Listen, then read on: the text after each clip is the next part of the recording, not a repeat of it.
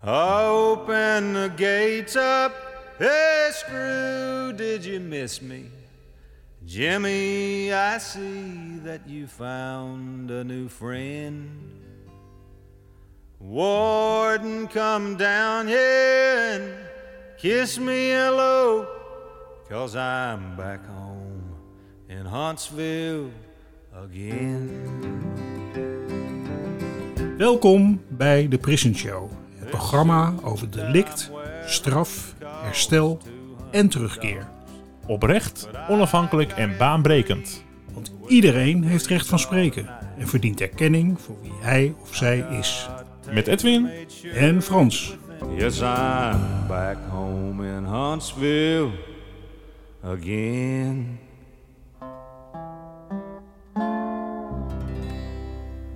Welkom bij onze podcast die elke vrijdag verschijnt, maar de hele week te beluisteren is. In alle podcast-apps en via prisonshow.nl. Ja, daar zitten we weer in de Zaanse bouwplaats. Zo'n inspirerende omgeving vind ik, eh, Edwin. Ja, eigenlijk een, een, een eh, sponsor van ruimte voor Dat ons. kun- dat ja, hele fijne ruimte. En van koffie, niet te vergeten. Misschien nog wel belangrijker, want dat Ja. is weer, dat heeft weer te maken met de ruimte in je hoofd om een beetje energie te, op te wekken af en toe. En het is ook nog eens een keer koffie die eh, gebrand is in de gevangenis. eh, door zuivere koffie. En eh, de thee die hier geschonken wordt is weer ingepakt in Nieuwe Sluis. Door vrouwelijke gedetineerden.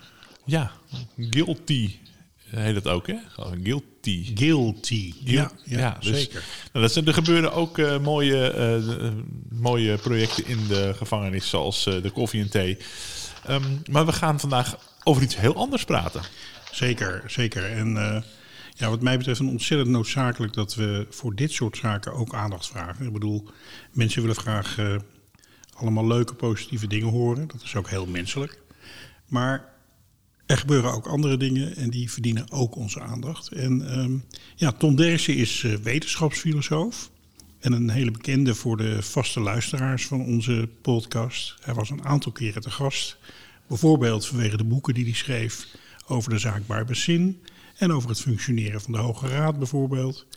Ehm, na de lezing van zijn nieuwe boek, De Deventer Karaktermoord, kan je gewoon niet stellen dat er in deze geruchtmakende zaak sprake zou zijn van voldoende wettig en overtuigend bewijs. Met name in de zaak dat de heer Lauwers mevrouw Wittenberg vermoord zou hebben. Ik kom er niet omheen, ik heb het boek gelezen. Eh, het kan gewoon niet. Hartelijk welkom in de Prison Show, Tom. Dankjewel. Zou je willen toelichten waarom de heer Lauwers de moord niet gepleegd kan hebben? Ja, het is een, een interessante vraag, want je stelt niet gepleegd kan hebben. Meestal is het zo dat er argumenten voor zijn, argumenten tegen, en dat je kunt zeggen van nou het is waarschijnlijker dat hij het niet heeft gedaan. Maar inderdaad, je stelt de vraag terecht, hij kan het niet gedaan, hij kan het ook niet gepleegd hebben.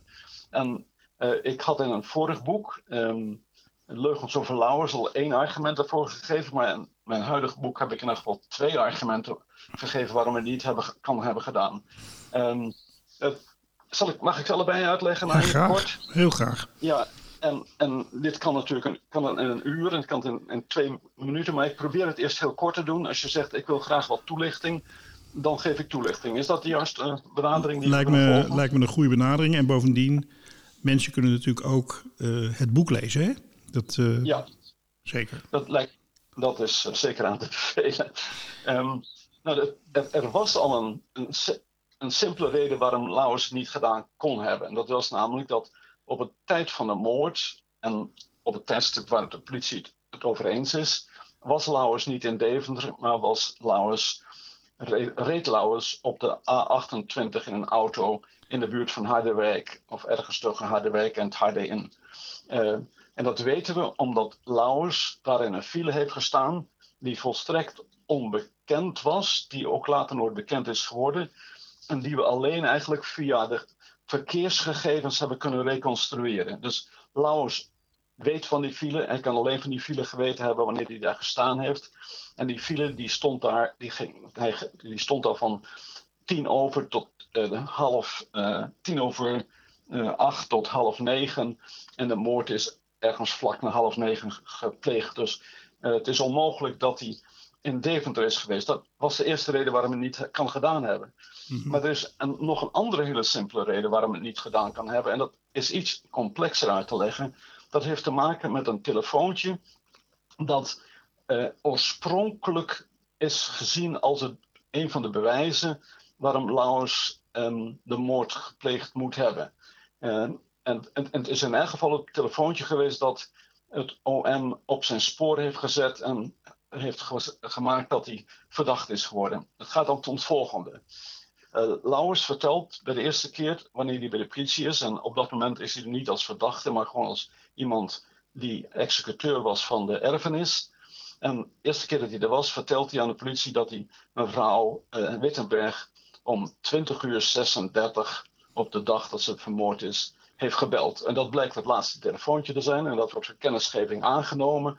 En, en, niemand die daar iets van denkt. Totdat een politieagent ontdekt dat dat telefoontje opgepikt wordt door een basisstation dat in Deventer staat. De beroemde 141501. Mm-hmm. Dat is een telefoonpaal. En die wordt aangeklikt door de mobiel van Lauwers. Nou, dat zou zeggen, dat, wat is het probleem? Nou, het probleem is dat Lauwers reed volgens eigen zeggen op de A28. Dat is 25 kilometer van Deventer af.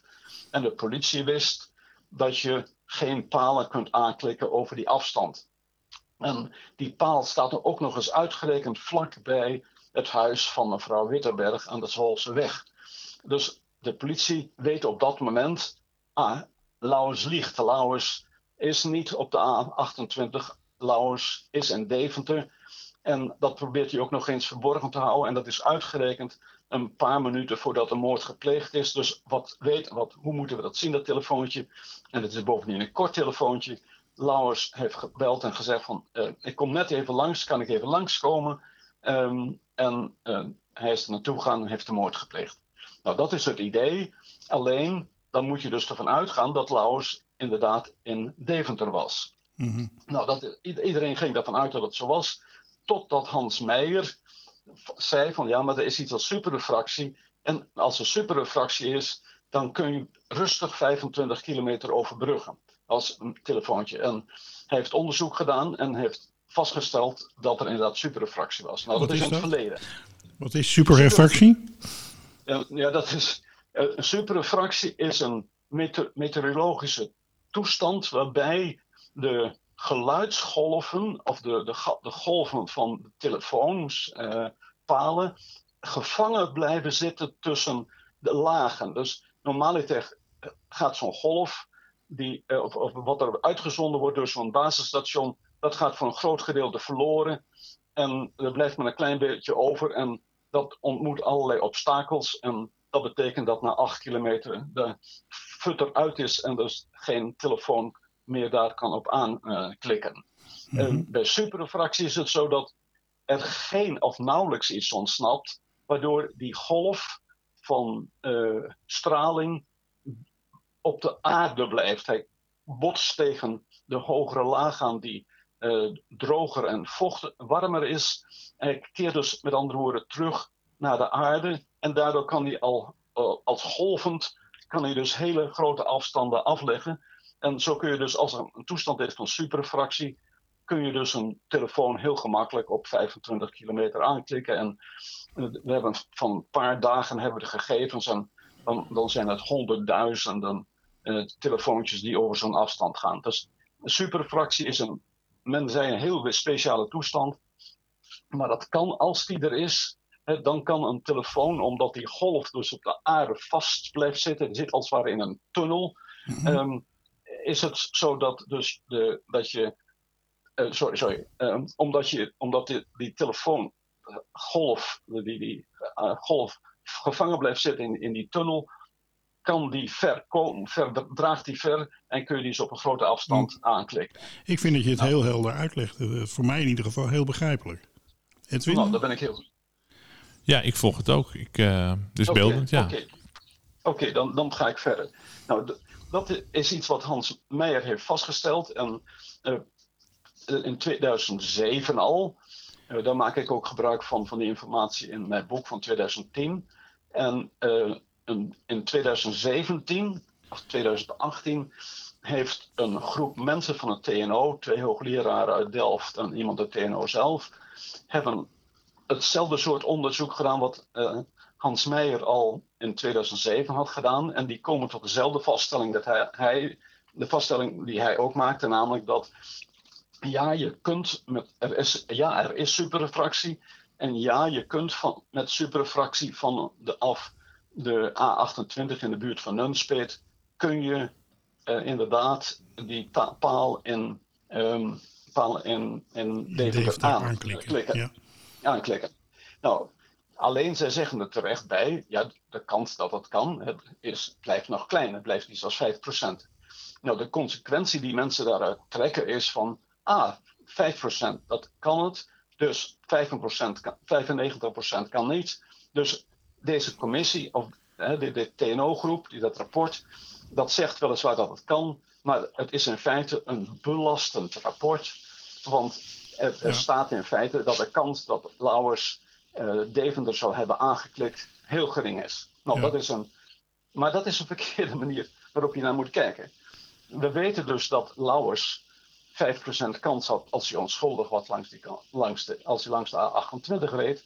Maar je moet ook afvragen, wat is de kans dat Lauwers, als hij de moordenaar geweest zou zijn, die uh, paal aangeklikt zou hebben op diezelfde avond? Want dat is de vraag waar het om gaat. Het draait om wat is de kans dat Lauwers als onschuldig aanklikt en wat is de kans dat Lauwers als moordenaar aanklikt? Ja. Nu, dat is een interessant iets. Um, als je uh, gaat kijken, en dan moet je dus zeggen van wanneer is Lauwers gaan rijden? Nou, dat is, uh, ligt eigenlijk zo goed als vast. Dat is uh, om 9 uur geweest, om sorry, 19 uur, om, om 7 uur s'avonds geweest. Hij is, heel laat is hij aangekomen in Utrecht om een lezing te volgen. En dat weten we omdat hij nog op een eerder tijdstip uh, ver weg was. Dus als je uitrekent waar hij geweest kan zijn, is, kan hij net op het nippertje om, negen, om, om 19 uur in Utrecht geweest zijn. En dat zegt hij ook zelf. Ik kwam net op tijd aan, ik kon net handtekening zetten. Hij heeft een kopje koffie gedronken en is vertrokken weer. Want uh, Laurens is niet naar die lezing geweest. Hij is niet, niet bij die lezing blij gebleven.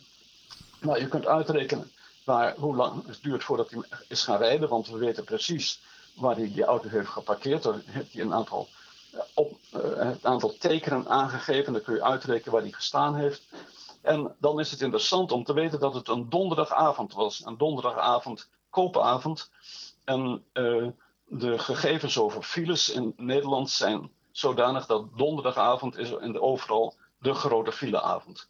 Nou hmm. weten we dus dat het in, in uh, Utrecht, waar hij langs moet rijden, de uh, en de uh, Europalaan, ontiegelijk druk was. We weten zelfs hoe snel mensen reden in die tijd daar. Dus in Lunette was het een, altijd een hopeloze zaak. Er is een paar jaar daarna is de zaak verbouwd om te zorgen dat er geen files zouden zijn. Dus je weet van oké, hij heeft daar tijd verloren, ongeveer 10 minuten. We weten ook hoe lang het is via de, uh, hoe de hoe noem je, planners, de, de, de wegplanners. Mm -hmm. uh, weten we hoe lang het duurt om van die Groenendaalse straat naar die Solse weg te rijden wanneer er geen verkeer op de weg is. Hè? Dus de ideale situatie, dat is de, de snelste tijd die die gereden kan hebben. We weten dus dat er 10, 10 minuten vertraging in Utrecht is. We weten dat in voor um, Deventer uh, altijd een enorme opstopping was. Ook daar zijn na een paar jaar door uh, minister Pijs uh, allerlei voorzieningen getroffen, zodat er minder, minder op, opstoppingen zouden zijn. En dat is dus voordat het is geweest. Dus we kunnen uitrekenen, er zijn ook modellen, dat hij daar ongeveer 10 minuten heeft vastgestaan. En we weten dat in de weg die die reed, dat, um, dat als je die op een dag rijdt van de, op een donderdagavond, dat er vertraging is. Uh, Hans Meijer heeft dat een aantal keren gedaan. En ik heb de snelste tijd genomen die hij gereden heeft. Nou, als je dat dan uitrekent, dan kun je dus precies zien hoe laat hij uitkomt, aankomt. En dan is het heel interessant. Hij komt dus pas op het. Oh, oh dat is een ander punt wat ik moet, moet vertellen. Hij komt dus heel laat eraan. Hij komt veel te laat aan. Maar wat van groot belang is, dat als je in Deventer rijdt op de manier waarop Lauwers reed, en dat kunnen we reconstrueren aan, aan basis van de basisstation die hij aanklikte, als je dus ziet hoe Lauwers leidt, dan merk je dat hij pas op het aller, allerlaatst in de buurt komt van dat basisstation 14501. Met andere woorden, hij rijdt al de hele tijd in uh, Deventer, maar zal nog geen enkele kans hebben om dat basisstation aan te klikken. We weten nu, als hij dus pas zo laat aangekomen is, zou hij langs de A1 nog gereden hebben. Nou, vanaf de A1 kon hij niet, of kan hij niet, die 14501 aanklikken. Die straalde in een andere richting. Een eindje eerder had dit misschien wel gekund, maar daar ligt een heel groot gebergte. Hoge Soer ligt daarvoor. Dus we weten gewoon dat Lauwers, als hij de moordenaar geweest zou zijn, dan had hij nooit om, 14, om, om 20 uur 36 die 14501 aan kunnen klikken. Dus weliswaar heeft hij maar 5% kans. Had hij maar 5% kans om dat te doen langs de A28. Maar langs de A1 had hij geen enkele kans. Dat betekent dus dat Lauwers vanuit de A28 aangeklikt moet hebben, want hij kon niet als moordenaar op tijd die telefoonpaal aanklikken. Dus het gekke is dat die telefoonpaal, die dus op het eerste gezicht ontzettend belastend is, als je dat uitrekent, dat je dus vindt dat het juist heel ontlastend is. Dat, hij dus in, dat het in feite aantoont dat hij niet langs die weg gereden kan hebben. Want als hij langs die weg had gereden, had hij nooit het telefoontje kunnen plegen dat hij wel heeft gepleegd. Nou, dat is dus het tweede argument waarom Lauwers de moord niet gepleegd kan hebben. Want hij kan niet het telefoontje gepleegd hebben vanuit uh, Deventer. Hij moet het telefoontje hebben gepleegd vanuit de A28 in de buurt van Nunspeet. En dat betekent dat hij niet op tijd had kunnen zijn om de moord te plegen in Deventer. Ja. Nou, je legt het uh, wat mij betreft uh, ontzettend helder uit. Als je het boek leest, wordt het je nog veel helderder. Want dan heb je natuurlijk meer ruimte en tijd om het heel goed uh, te ja. omschrijven. Um, maar ik ben zelf heel erg overtuigd geraakt door het boek. Um, Mooi. Het is natuurlijk heel lang na de, na de moord hè, dat we het hier nu over ja. hebben. En ja. Het is wel een van de meest geruchtmakende zaken in Nederland geweest hè, van de afgelopen uh, decennia. Uh, ja. Kun jij verklaren uh, waarom er zo'n enorme ophef is ontstaan in de zaak? In de media, maar ook de beelden natuurlijk van ja, Lauwers in de rechtszaak, die eigenlijk zijn zelfbeheersing verliest. En, en natuurlijk wat er allemaal gespeeld heeft rond Maurice de Hond. Ja. Kun je dat verklaren, dat dat zo, zo ja, gegaan nou, is? Ja, het, het, het, is op zichzelf een hele vreemde zaak, want hij is, bij de rechtbank is hij vrijgesproken. Hè? Mm -hmm. Dus dat is interessant. En uh, ik, daar heb ik ook wel een verklaring voor, maar in ieder geval later is hij bij het Hof in Arnhem is hij veroordeeld. En toen is hij veroordeeld onder andere op basis van een mes, een blokkermes dat gevonden zou zijn op een totaal andere plaats. En uh, daar is toen, nadat, dat, nadat hij veroordeeld is, is die zaak uh, herzien. Er is een herziening geweest, want dat mes was belachelijk. Nou, de Hoge Raad ging daarmee akkoord. En in Den Bosch is hij toen weer veroordeeld, omdat er toen DNA gevonden was van hem op de blouse. En, uh, dus het was al een rare zaak, waar eerst iemand veroordeeld wordt voor moord, dan is het argument is echt onzinnig, omdat het mes niks mee te maken kan hebben. Maar dan vinden ze toch nog weer een andere reden waarom hij het gedaan heeft. Dus dat was al heel vreemd. Mm-hmm. Er is, op dat moment is er een groep mensen die in beweging is gekomen vanwege de onzin van het mes. Die is door blijven truttelen en protesteren, maar had weinig uh, gevolg in de pers. En, maar op een of andere dag hoorde heel toevallig um, Maurice de Hond van het bestaan van die uh, situatie. En Maurice is toen gevraagd van, zijn er nog dingen die je verkeerd vindt? En toen heeft hij zomaar spontaan gezegd, ja, ik geloof die zaak van Lauwers niet. Uh, ogenblikkelijk zijn toen de mensen van die, bij die, aan die Lauwersgroep werkten, zijn, hebben contact met hem opgenomen. En Maurice is daar uh, voluit ingegaan. En op dat moment zat Maurice elke week twee keer in het, bij de televisie zo'n beetje. En uh, had hij heel veel gehoor, ook bij televisiemensen en bij de pers. En hij was eigenlijk na lezing al heel snel overtuigd dat Lauwers het niet gedaan kon hebben. Dus op dat moment er was de wind draaide plotseling. En eigenlijk ook in alle programma's waar hij zat, eh, waren de, eh, de, de, hoe heet die journalisten, niet journalisten, maar de, de Interviewers. programmamakers, En de, ja. interviewers, ja, interviewers, die eh, waren eigenlijk van overtuigd van ja, wat ehm, Maurice vertelt, dat moet waar zijn. Want hij had goede argumenten. Dat, dat moet ook gezegd worden. Het waren gewoon goede argumenten. Dus dat ik, alleen toen is, hij, heeft hij een ding gedaan wat naar mijn idee heel tactisch en ook moreel gezien onjuist is. Toen is hij gaan zeggen van, ja, wie is dan wel de moordenaar? Dat is namelijk heel begrijpelijk, want ehm, mensen zijn eigenlijk ze hebben toch het idee van ja, als we de moordenaar niet weten, dan zal een Lauwers het wel geweest zijn. En dat is een soort instinctieve reactie van ons. We hebben één verdachte en die laten we niet slippen. Nee. Dus je gaat zoeken naar. En dan is de, de eerste reactie, verkeerde reactie volgens mij, maar de eerste reactie, een hele begrijpelijke reactie, dat je gaat zeggen: ja, wie is dan wel de moordenaar? Ook als de, de pro-Lauwers groep. En eh, er waren een paar redenen, en dat had iets met een mes te maken, waarom die eh, klusjesman, zoals hij zo- toen ging heten, het gedaan zou kunnen hebben. Eh, dus het is een heel belachelijk iets om dat te denken, want er zijn waanzinnig veel redenen op het eerste gezicht waarom Lauwers het gedaan heeft. En al die redenen die zijn niet goed, maar intuïtief gezien zijn dat dus echt sterkere redenen waarom het Lauwers gedaan heeft. Nou, zo is er dus ook één reden, hè, die intuïtief gezien zou kunnen wijzen op de klusjesman. Nou, maar in plaats van om te zeggen als burger, ik ken het, weet niet wat hier gespeeld is, er is geen informatie. In de zaak van Lauwers zat, zat iedereen ernaast. We houden onze mond dicht over die klusjesman. Dat is het eerste, gewoon qua waarheidsvinding is dat de juiste conclusie. Dus een andere reden waarom je er niet mee moet bemoeien is dat het is heel goed, vind ik als burger, om je in te zetten om onschuldigen vrij te spreken. Maar dit is absoluut verkeerd om als burger je in te zetten om medeburgers achter in het gevangen te krijgen. Daarvoor, dat is niet jouw zaak, dat is een zaak van het Openbaar Ministerie. Dus de, de, er zijn twee en dan is er een derde reden, dat is strategisch. Dat is ongelooflijk dom om een andere eh, moordenaar erbij te betrekken, of een verdachte erbij te betrekken. Want daarmee creëer je een, een keuze. Hè, dus het is of de een of de ander. Het is niet Ja, Lauwers, ja. maar het is nou de klusjesman. Ja. En je ziet, dat, je ziet dat heel veel. Ik heb het ook gezien in Amerika, waar mensen proberen mensen vrij te spreken. En dan zeggen ze: nee, die andere heeft het gedaan. Ja. En dan wordt die ander onderzocht en die heeft het niet gedaan. Dus dan is je eigen man hangt toch nog, terwijl die Ja. onschuldig is. Ja, Dus het, is, het zijn dus zijn dus drie simpele redenen waarom je dus absoluut dit nooit moet gaan doen als je iemand gaat verdedigen.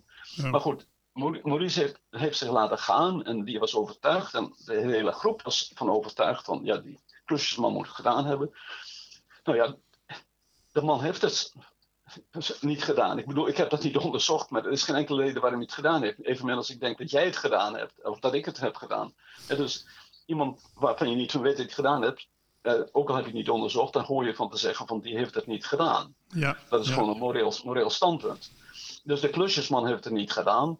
Nou, daar zijn, hebben zich, zijn zich mensen voor gaan inzetten. Bas Haan heeft dat gedaan. Eh, later is eh, pas geleden met een podcast van eh Anne-Griet Wietsma, geloof ik, heet ze. Eh, en die zijn eigenlijk bezig geweest met de rehabilitatie van de klusjesman. Heel goed, heel terecht. Alleen, ze hebben zich laten meeslepen door die tweedeling die was gecreëerd. Ja. Is het Lauwers of is het de klusjesman? Ja, nu zeggen zij van, het is niet, het is niet de klusjesman, dus is het Lauwers. Dus het gevolg is nu dat ook in die films en zo, dat de, de pers is er nu van, heel erg van overtuigd dat Lauwers het, het wel gedaan heeft. En eh, dat, ik heb dus proberen te laten zien in, in mijn boek dat het de verkeerde vraagstelling is. Dat als je inderdaad zegt wie heeft het gedaan, Lauwers of de klusjesman, en je denkt dat het klusjesman is, ja dan is het Lauwers. Maar dat is niet de vraag die je moet stellen. De vraag die je moet stellen is van wie heeft het gedaan? Ja. En eh, dat kan dan, eh, hoeft nog de klusjesman, nog Lauwers te zijn. Dus, Ja. maar dat is Ja. dus volgens mij de reden waarom dat zich heeft afgespeeld. Eh, Maurice de Hond heeft zich ermee bezig gehouden. Echt heel goed van hem. Hij heeft zich laten meeslepen. En heel fout van hem, maar dat is heel, heel menselijk. En daar, daar hebben mensen tegen gereageerd. Ook heel menselijk. En de, de film die we hebben gehad. En ja, zo ligt de zaak nu ervoor. En op het ogenblik wordt een, door uh, Knoops nog weer een, een herzieningsverzoek ingediend. En Lauwers die zit op een internationale vrachtwagen te rijden, want die kan geen andere baan krijgen. Maar ja, zo ligt de zaak. En dat maakt dus dat er zo heel lang, heel lang aandacht voor geweest is. Ja, het is een, eh, een Kafkaiaans uh, scenario eigenlijk. Hè? Het is uh, ja. toch wel een vorm van horror waar je in terecht komt. Um, ja. Ik merk dat, net, dat, ik zie dat ook in de zaak van Barbezin. Um, keer op keer wordt eigenlijk best op hele goede gronden wordt er geageerd. Hè? Zoals jij dat nu ook met dit, met dit boek doet. En ja. vervolgens willen media er eigenlijk, die zijn er helemaal klaar mee. En die willen er helemaal niks meer over berichten en dat soort dingen. Uh, hoe kijk jij daar tegenaan? Tegen dat mechanisme? Hè? Want op zich, ik bedoel, het is toch niet zo'n enorme klus geweest, uh, voor mij bijvoorbeeld, om in dit soort zaken gewoon uh, een boek te lezen. Ja. En vervolgens tot een inzicht te komen, zeg maar. Ja. Ja. Um, ja. Dat zou een journalist toch ook kunnen of moeten doen, zou je zeggen. Hoe kijk nou, jij er tegenaan? Ja. nou het, het, is inderdaad zo dat als een journalist het boek leest, en een aantal hebben het gelezen, dan zijn ze, uh, net zoals jij, ogenblikkelijk overtuigd. Mm -hmm. dan, uh, het is niet dus één argument waarom Laurens niet heeft gedaan. Ik heb een zes hoofdstukken, zes argumenten gegeven allemaal even goed volgens mij, sommige nog beter dan andere, waarom hij het niet heeft gedaan. En dan is er nog een zevende argument als bonusargument waarom hij het niet gedaan kan hebben. Dus als er één zou vervallen, het, bedoel, het, het, het, regent van argumenten waarom hij het niet gedaan kan hebben. En ik kan ook uitleggen waarom mensen dachten dat hij het wel heeft gedaan. Dus het, is, dat is heel simpel. Ja. Nou, ook, dus het is, het is niet het feit dat als ze het gelezen hebben, dat ze het niet geloven. Het punt is dat ze het gewoon weigeren te lezen. En um, de reden daarvoor is um, een, een, aantal redenen. De ene is dat ja, het is geen nieuws. Wat nieuws is, is een heel moeilijk iets te om, begrijpen. Maar dan ineens heet het geen nieuws meer. En dan kun je dus, of wat ik bijvoorbeeld in deze keer hoorde van uh, de Volkskrant, die in het verleden zeer positief over Laos heeft geschreven. En ik heb ook daar heb een groot interview gehad met die mevrouw die dat eh, op het ogenblik dus afwijst. Want ze zegt van ja, we hebben er al aandacht aan besteed een tijd geleden. En nu wachten we op het, um, op het rapport, op de conclusie van Aben de AG. Ja. En om er nu weer over te praten, dat is echt gewoon onzinnig. Ik heb daarvan tegen gezegd van, als u er nu niet over praat, dan weet ik precies wat Aben gaat antwoorden. Aben gaat namelijk negatief adviseren. En gegeven zijn verleden zal ik dat, een soort argumenten die toen gebruikte, zal dat zeker gaan gebeuren. En de enige mogelijkheid om rechtvaardigheid te krijgen is om nu publiekelijk te laten zien waarom die argumenten van Aten die die gaat geven verkeerd zijn. Ja. Uh, daarop heeft de krant niet gereageerd. En ik moet zeggen ook dat geldt sowieso voor de Volkskrant. Die hebben, waren eerst pro bij de zin. Die hebben een, een, kopje koffie gedronken ooit met Aben. En na dat kopje koffie kwamen ze met echt onzinnige argumenten aan waarom, uh, uh, waarom schuldig was. Dus er is iets wat heel aantrekkelijk is, en dat begrijp ik wel, om bevriend te zijn met Aden. Het is veel beter voor een journalist om bevriend te zijn met Aden dan Derksen te geloven. Want ik heb één keer een boek waar je één keer iets over kunt schrijven. En Aben geeft je voortdurend nieuwe inzichten. En als je heel trouw bent, dan krijg je waarschijnlijk zelfs inzage in andere zaken. Dus dat is een, reden waarom kranten op dit moment uh, kennelijk, in ieder geval de Volkskrant, maar ook de andere kranten, er geen behoefte is om zulke zaken buiten te brengen, want er is ook weinig belangstelling voor. Hè. Dat is, het, en dat geloof ik ook. Dat, ja, weer een boek over. Het, uh, dan komen ze weer met zo'n verhaal aan. Nou weten we toch absoluut zeker. Bas Haan heeft dat al laten zien. En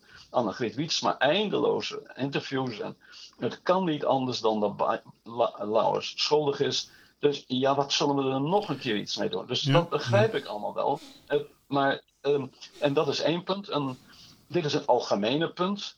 Uh, er is ook een punt uh, wat persoonlijker is. Dat ik weet dat gewoon uh, redacties reageren van, oh, daar komt Derksen weer aan. En dat, dat, is, dat moeten we maar niet meer over schrijven. En, nou ja, dus, dus men is een soort van moe om daarmee bezig te zijn, lijkt het. Dat is zonder meer een, een vermoeidheid. En het probleem is dat je zonder de pers helemaal niks kunt bereiken. Dat is, was in, in de zaak van Lucie de Berg zo. Toen heeft de pers zich juist volledig achtergesteld. Uh, met Willem Lust van Nova en Caroline van der Heuvel van Twee Vandaag. Dat is nou één vandaag, maar Twee Vandaag. En die hebben voortdurend aan de weg zitten timmeren en nieuwe argumenten gegeven en gezegd: dit is een fout, hier moeten we wat aan doen. Ja, Alleen, toen, toen, waren alle krachten bundelde, leken zich te bundelen op een gegeven moment. Ja, dat was zo en het bundelde zich zo sterk dat ook journalisten bij mij kwamen en uh, die zeiden wat erger dat ze, uh, dat ze vast zat. En dan zeg ik, wat weet u ervan? Dan zegt dan wisten ze niks van. Uh, maar dus, de stemming was gewoon zo van op dat moment zei je dat hoe erg het was dat Lucia vast zat. dus dat, dat is ook een irrationele reactie die er is. Maar in elk geval het is een reactie waar, waar het mogelijk is om discussies te voeren en, en de argumenten naar voren te brengen. Aan. Maar nu is het dus eigenlijk uitgesloten. En, uh, ja. Ik heb uh, nou, veel kranten geschreven. Ik, uh, en, en de, het is inderdaad, de radio heeft, heeft Radio 1, één vandaag heeft een interview met mij gehad. Die waren heel positief. Maar die hebben ook geprobeerd om dat bij de televisie onder te brengen. En die hebben ook gezegd van nee, dat gaat niet. En een van de redenen die als een andere reden waarom dit boek een probleem is, is omdat het boek laat zien dat Bas Haan, die een, een soort heilige is natuurlijk op het gebied van uh, want hij is, wordt, wordt gezien als degene die de waarheid in deze op, op, aan, aan, het licht heeft gebracht, als je, dat je kunt laten zien dat Bas Haan minder precies werkt dan hij zelf suggereert. Ja. En dus, en, maar dat is voor de pers is dat niet interessant, want ja, dan moet je je dus tegen Bas Haan uh, keren. En dat heb ik ook een aantal keren gemerkt, dat men eerst positief was, dan kennelijk contact heeft gehad met Bas Haan of erover heeft nagedacht dat het, wat het zou, betekenen voor, in relatie tot Bas Haan. En op een of andere manier uh, krabbelt me dan terug. Dus ik, ik weet niet, ik kan er nu geen vinger achter krijgen, alleen men vertelt mij dan van ja, het, ja, dat leek ons toch verstandiger achteraf. We hebben nog eens over nagedacht. En, uh, nou, dan is, en ze noemen dan inderdaad de naam van Bas Haan. En, uh, nou, Bas Haan heeft, zoals je waarschijnlijk weet, of net wat kun je het boek aanhalen, heeft ook de uitgever gebeld van tevoren om te waarschuwen om het boek niet uh, te publiceren. Heb ik, heb ik gelezen, ja. ja. Hij, ik vind dat heel dubieus hoor, als iemand dat doet, overigens. Ja, en, en en, sterker nog, nadat het gepubliceerd is, heeft hij de uitgever weer geschreven en, kwalijk genomen dat het uit heeft gegeven. En hij eist rectificaties van bepaalde dingen die onzinnig zijn en gebaseerd zijn op onbegrip van hem. Maar je, je ziet dus dat hij zich dus heel druk ermee bezig heeft gehouden. En, uh, en dit is alleen datgene wat ik dus weet van de uitgever. En van sommige redacties die dus zijn aannoemden. Ja. Ja, dus dat, is, echt uh, vechten tegen de bierkaai. Ja, ja, ja. Ja, en dan, heb je, dan hebben we het nu over uh, Bas Haan gehad. Maar uh, de Hoge Raad, hè? Um, jij hebt verschillende ja. boeken geschreven over de uh, Hoge, Hoge Raad. Het ja. functioneren, Barbecin, de, de rammelende ja. argumenten van de Hoge Raad. Dat ging over de, een, een, een werkelijk pruts rapport... waar de heer Ape volgens mij zeven jaar over gedaan heeft om ja. te adviseren de herziening in de zaak Barbecin af te wijzen.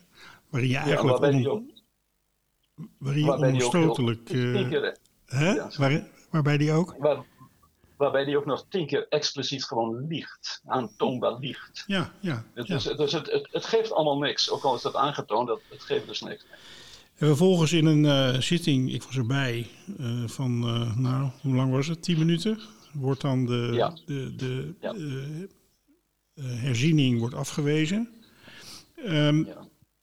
Nu is dezezelfde meneer Aben ja. inmiddels ook alweer jaren onderweg om een advies te, te maken. Um, um, nee, dat, kan niet, eh, dat kun je formeel kun je tegenspreken. Mm -hmm. er is, er is, hij is zeven jaar bezig geweest om te onderzoeken of er redenen waren om een herziening aan te vragen. Ja, ja.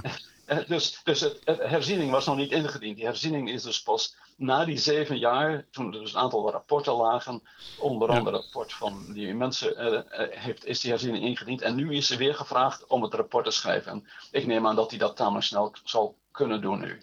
Ja, in principe wel. Maar hij heeft, hij heeft inmiddels bij mij Nou, in ieder geval niet de naam opgebouwd dat hij snel werkt, zeg maar. Nee, maar, maar hij kan nu snel werken omdat de negatieve argumenten klaar liggen. Oh ja, ja. En in de zaak van, van, zaak van, van Bijbesin heeft hij heel lang moeten zoeken naar goede argumenten. En die heeft hij niet kunnen vinden. Eh, maar eh, in dit, deze zaak heeft hij hele simpele argumenten liggen, klaar liggen. Die voor de Hoge Raad overtuigend zullen zijn om het eh, af te wijzen. Ehm, en dat heeft, te dat heeft te maken dus met eh, twee punten. Eerst, eh, hij heeft twee ehm, mensen bij DNA gevraagd. Het DNA gevraagd, het NFI. En het NFI heeft eh, namens Kloosterman weer gezegd van... nee, als je goed kijkt naar het DNA, dan zie je dat het heel, heel waarschijnlijk is. Veel waarschijnlijker is dat Lauwers het heeft gedaan dan dat Lauwers het niet heeft gedaan. En hij heeft toen ook nog dat een tweede Engelse, een buitenlandse eh, inter- deskundige Whittaker gevraagd om ook te kijken naar het materiaal. En ook die Whittaker komt tot de conclusie dat inderdaad het DNA laat eh, duidelijk zien dat het veel waarschijnlijker is dat Lauwers het heeft gedaan dan niet. Dus die, die, deze rapporten zijn echt onzin. Hè? Ik bedoel, aan, de mensen stellen echt volstrekt verkeerde vragen, geven eh, de, nou, de juiste antwoorden, maar wel op de verkeerde vragen. En op basis van daarvan eh, wordt er dus geconcludeerd dat Lauwers het waarschijnlijk gedaan heeft. Maar, dit zijn dus de rapporten die er liggen. En eh, die, daar kan dus kan Aben dus terecht van zeggen van ja, eh, het is allemaal best, maar we hebben het nu onderzocht en we zien dus dat het nog steeds zo is dat DNA volgens de twee grote deskundigen eh, richting eh Lauwers wijst. En hij kan ook ten aanzien van de, dat TNO-onderzoek van die 5% kans, kan hij met, met het misverstand dat er ongetwijfeld zal heersen zeggen van kijk, er is maar 5% kans dat hij het daar vandaan zou bereiken. Dus eh, dat betekent gewoon dat dat belastend verder is. Dus er ligt alleen een nieuw belastend argument. En als ik kijk naar wat Knoops heeft ingediend, die stelt vast dat Reinders, geloof ik, en nog een paar mensen, die hebben hun standpunt herzien. Die zeggen dus van, nee, hij had het wel kunnen, hij had wel kunnen, eh, hij had wel van die A28 die 14501 kunnen aanklikken. Maar dat is natuurlijk eh, niet echt een argument, want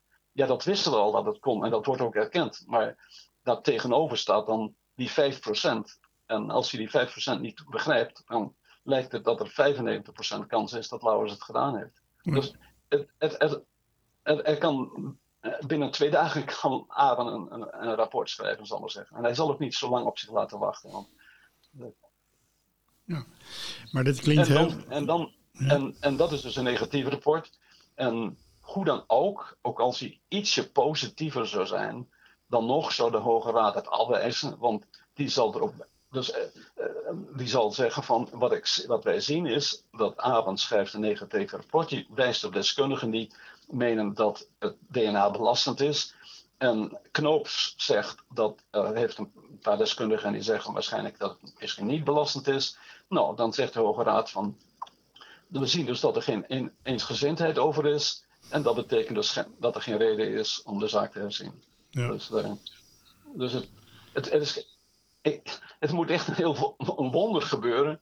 Of de Hoge Raad moet zich proberen mij te weerleggen. Door te laten zien dat ze wel eh, eh, bereid zijn om de zaak te herzien. Maar ik denk niet dat mijn invloed zo ver gaat dat als ik zeg dat het niet zo is, dat de Hoge Raad gaat zeggen dat het wel zo is. Nee, nee wat wel, eh, wat, wat een beeld wat mij wel eh, ehm, bij mij boven komt, is dat het in ieder geval zo is dat de Hoge Raad, en daar heb je ook een boek over geschreven, hè? Ehm, Ja, het functioneren van Ja. de Hoge Raad. het falen van de Hoge Raad. Ja, Precies. ja. Dat de Hoge Raad eigenlijk eh, op iedere manier probeert om een herziening te voorkomen. Hè? Dat is eigenlijk wat ja. je ziet. Ja, ja, ja.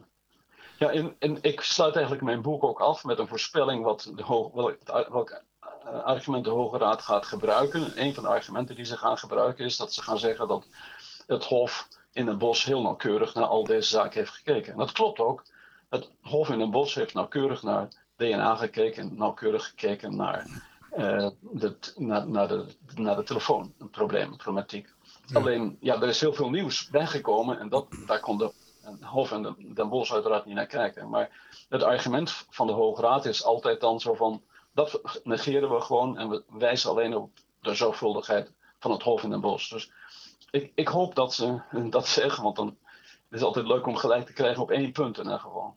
Ja, nou ja wat, ik, wat ik dan een beetje, nog los van het feit dat de Hoge Raad gewoon geen herzieningen wil, uh, ja. tenzij ze er echt uh, absoluut niet omheen kunnen. En dan moet er toch heel wat gebeuren. Hè? Als nee, nee, nee, oh, wacht. Oh, sorry, sorry. Het, dan, dan, moet ik even rechtzetten, want er moet heel veel gebeuren. Nee, er zijn geen argumenten nodig. Het enige wat helpt is wanneer de pers rotzooi schept. Dat is de enige reden. Maar in de zaak van Bijbezin waren er waanzinnig goede argumenten. Waanzinnig goede. Nog, nog.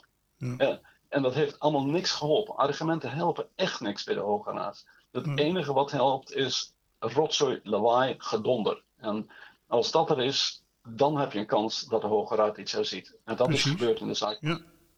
ja. In de Puttense moordzaak en de zaak uh, Lucia de B bijvoorbeeld. Precies, dan, dan, is, dan wordt het zo vervelend, dan worden ze zo zat van, van al die gedonder. Nou ja, oké, okay, herzinning. Maar anders, uh, als, als de pers niks zegt en de pers zwijgt, of zeker sterker nog, als de pers op je hand is, is er geen enkele reden om te herzien. Heel, uh, dat geeft een heel cynisch beeld. En er zijn weinig Nederlanders die, dat, uh, die, die daar zo naar willen kijken, volgens mij. Want. Ja, dat, dat, dat kan ook haast niet anders. Want ik dacht 13 jaar of 15 jaar geleden ook dat, het echt een, dat we in een rechtsstaat leven. En dat leven we ook. Het punt is dat zolang je onschuldig bent, is het prima. Ik, wij kunnen al deze verschrikkelijke dingen over de Hoge Raad zetten, zeggen zonder dat we het gevangen ingaan. Hè? Dus als in Turkije of waar andere landen zulke dingen zegt, hè, of over de regering, dan ga je het gevangen. Dus wij zijn in die zin zijn wij rechtsstaat. Het hm. punt is alleen dat als je verdachte bent geworden, en dat kan om, op allerlei gronden en uh, heel vaak ten onrechte, ja, dan hang je. Want dan ook als je onschuldig bent, dan kun je dat eigenlijk niet meer uh, rechtzetten. Nou, zo zou dat als je uh, van zo'n instituut van de Hoge Raad eigenlijk zegt dat ze eigenlijk uh, niet de goede bedoelingen hebben, namelijk waarheidsvinding, ja. Um, dan ben je ook al gauw een complotdenker en een wappie, hè? Ja, waarom eigenlijk? Want ik, ik geef argumenten. Kijk, wappies zijn mensen die geen argumenten geven. En ik, ik, ben, ik denk niet in complotten, ik, denk gewoon, ik kijk gewoon wat de Hoge Raad aan het doen is. Mm -hmm. En daar schrijf ik een boek over en dat kun je dan weer leggen uh, maar niemand heeft tot nu toe enige poging gedaan om het te weerleggen. Dus ik denk dat het niet weerlegbaar is. Want als het weerlegbaar zou zijn, dan werd er ongetwijfeld een jurist op afgestuurd om dat publiekelijk even af te serveren. Nee, maar daar ben ik het helemaal mee eens. En ik ben de laatste om te zeggen dat, uh, dat, je, dat jij een complotdenker bent. Ik denk namelijk dat dat ja. helemaal niet zo is. Alleen, uh, uh, er is een soort publieke beweging, en ook in de media en in de politiek, ja. naar mensen die met theorieën komen. Waarin op een samenhangende manier of een, in een samenwerking of een netwerk dit soort dingen gebeuren die de Hoge Raad doet. Hè? Ja, maar ik, ik, ik, wijs niet op, ik heb het niet over homofiele of kinderpornoachtige kringen. Nee, het gaat mij nee. puur alleen om, een, om een empirisch gegeven. Het gaat niet om theorie, theorie het is een empirisch gegeven ja. op basis van zeven studies van empirische zaken waaruit blijkt dat de Hoge Raad bepaalde strategieën gebruikt die niks te maken hebben met waarheidsvinding. Dat is dus, heeft niks, ik schuif ze niks in de schoenen. Ik, ik concludeer alleen uit de dingen die ze doen tot een bepaalde conclusie. Ja, helemaal mee eens. Helemaal mee eens. Uh, en de manier waarop natuurlijk uh, vanuit uh, de media en vanuit andere gremia, bepaalde gremia wordt gereageerd, is natuurlijk voor rekening van degenen die daarop reageren. Maar um, feiten zijn dus daarin niet, niet doorslaggevend. nee, absoluut. Dat, dat, dat, ben ik helemaal met je eens. Dat is waarom, we, waarom ik het ook noem het vechten tegen de de hand. Want ja. wat je ook argumenteert, er wordt überhaupt van tevoren vastgesteld dat kan niet goed zijn. Dus dan lees je het niet. Behalve dus een paar mensen die eh, pas is, van, vandaag was er nog iemand uit, uit de Tilburgse Universiteit, het tijdschrift, het, het, het blad daar, het krantje daar van de krant. En die hadden een boek gelezen en die hebben een recensie geschreven in hun uh, Universkrant. Uh, en die stond open en zei van, oh, ik ben helemaal overtuigd. Wat een mooi boek. Dus ja, het, het punt is gewoon, je moet bereid zijn om te lezen. En, en dat is het grote probleem. En er is natuurlijk ook heel veel, waanzinnig veel in, uh, belangrijke dingen ook nog in de wereld. Hè? Uh, dus uh, wij, wij vinden dit belangrijk en voor de rechtsstaat is het ook waanzinnig belangrijk. Ja. Maar voordat je dat ziet, denk je van dit gaat dus om één man en waar maken we ons druk over? Ja, misschien is hij onschuldig, maar goed, kijk eens naar al die mensen die verdrinken, kijk eens naar al die vluchtelingen die uh, omkomen enzovoort. Dat is allemaal veel, veel belangrijker. Ja. ja. dus in aantallen gezien is dat zo. Alleen, dit moet je niet de ogen versluiten dat dus in een rechtsstaat zo'n zo zaak als Lauwers ongelooflijk belangrijk is. Niet om het feit alleen dat die man onschuldig uh, veroordeeld is, maar gewoon ook om de manier waarop het gegaan is. En, en dat is het verontrustende. En ook vooral om de manier waarop het dus onmogelijk wordt gemaakt om dat weer recht te zetten. Want dat we fouten maken in een rechtsstaat, dat is onvermijdelijk. Maar op een of andere manier hebben we ons in het hoofd gezet dat een rechtsstaat is, is foutloos. En dan mag je dus geen fout erkennen. Maar als je erkent dat een rechtsstaat een menselijke onderneming is, dan weet je gewoon dat er fouten gemaakt zijn. Maar dan moet je dat, daarop reageren door de mogelijkheid in te bouwen dat je die fouten herstelt. En dat is dan pas een echte rechtsstaat. Maar zo werkt het hier niet. Ja. Ton, hoe, houden, hoe hou jij dit vol? En ik weet dat je vrouw ook uh, jou op allerlei manieren ondersteunt. Hoe houden jullie het vol om dit uh, uh, ja, te blijven ik, vechten? Ja, ik, ik vind het heel leuk dat je me vrouw noemt, want dat is inderdaad ook iets. Want ik zit vaak boven en dan zit zij beneden.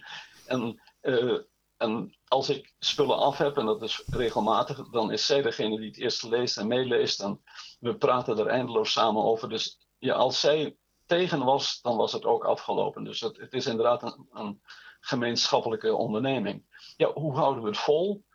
Um, ja, dat is inderdaad een vraag die ik me soms ook stel. Uh, maar er is altijd weer, weer iets waardoor je ja, getriggerd wordt. Dat je zegt, ja. ja, maar hoe is het in godsnaam mogelijk dat ja. dit gebeurt? Het is zo simpel.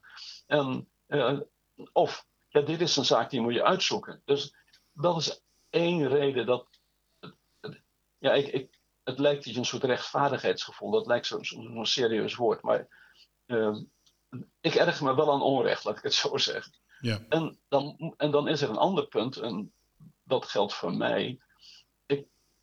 De soort fouten die gemaakt worden, zijn heel interessant. Ja, dat klinkt een beetje stom, want het is, is natuurlijk verschrikkelijk dat ze gemaakt maar, maar, maar de fouten die gemaakt worden zijn interessant voor een, voor een filosoof zoals mij. Dat, kijk, het andere vind ik interessant als historicus. Ik ben zowel historicus als filosoof. En dus ik vind het interessant om een zaak uit te zoeken. Dus dat is het historisch gedeelte. Nou, behalve het onrecht, dat is het morele gedeelte, maar er is ook een filosofisch gedeelte. Namelijk de soort fouten die mensen maken, zijn een soort fouten die we allemaal maken. Dus ik, dat is dus de hoop die ik heb. Hè. Dus hmm. dat je kunt laten zien van, beste mensen, we maken fouten, maar dat is niet een per se een slechtheid van je. Ja, ik, en eerlijk gezegd, nu dus heb ik dus in sommige gevallen denk ik wel aan slechtheid. Hè? Dus als het steeds weer gebeurt. Maar in principe, de soort fouten zijn de soort fouten die we allemaal maken. We hebben een neiging om belastend materiaal zwaarder te wegen dan ontlastend materiaal. Ja. Uh, dus uh, dat is iets wat we van nature doen. Ja. Maar dan, dat vind ik dus waanzinnig interessant om dat elke keer weer te zien gebeuren. Ja. Uh, maar tegelijkertijd hoop ik dan door erop te wijzen dat mensen wijzer worden. En in die hoop word ik wat. dat is het problematische, wat ik zo zeg. Ja, ja, ja. Maar uh, je, je doet gewoon op een hele gepassioneerde manier het, het werk wat, je, ja, waar jij, wat jij doet. Dus je... Ja, en, en dat, dat is ook fout. Want ik, ik, ik, zonder passie zou ik het niet kunnen volhouden.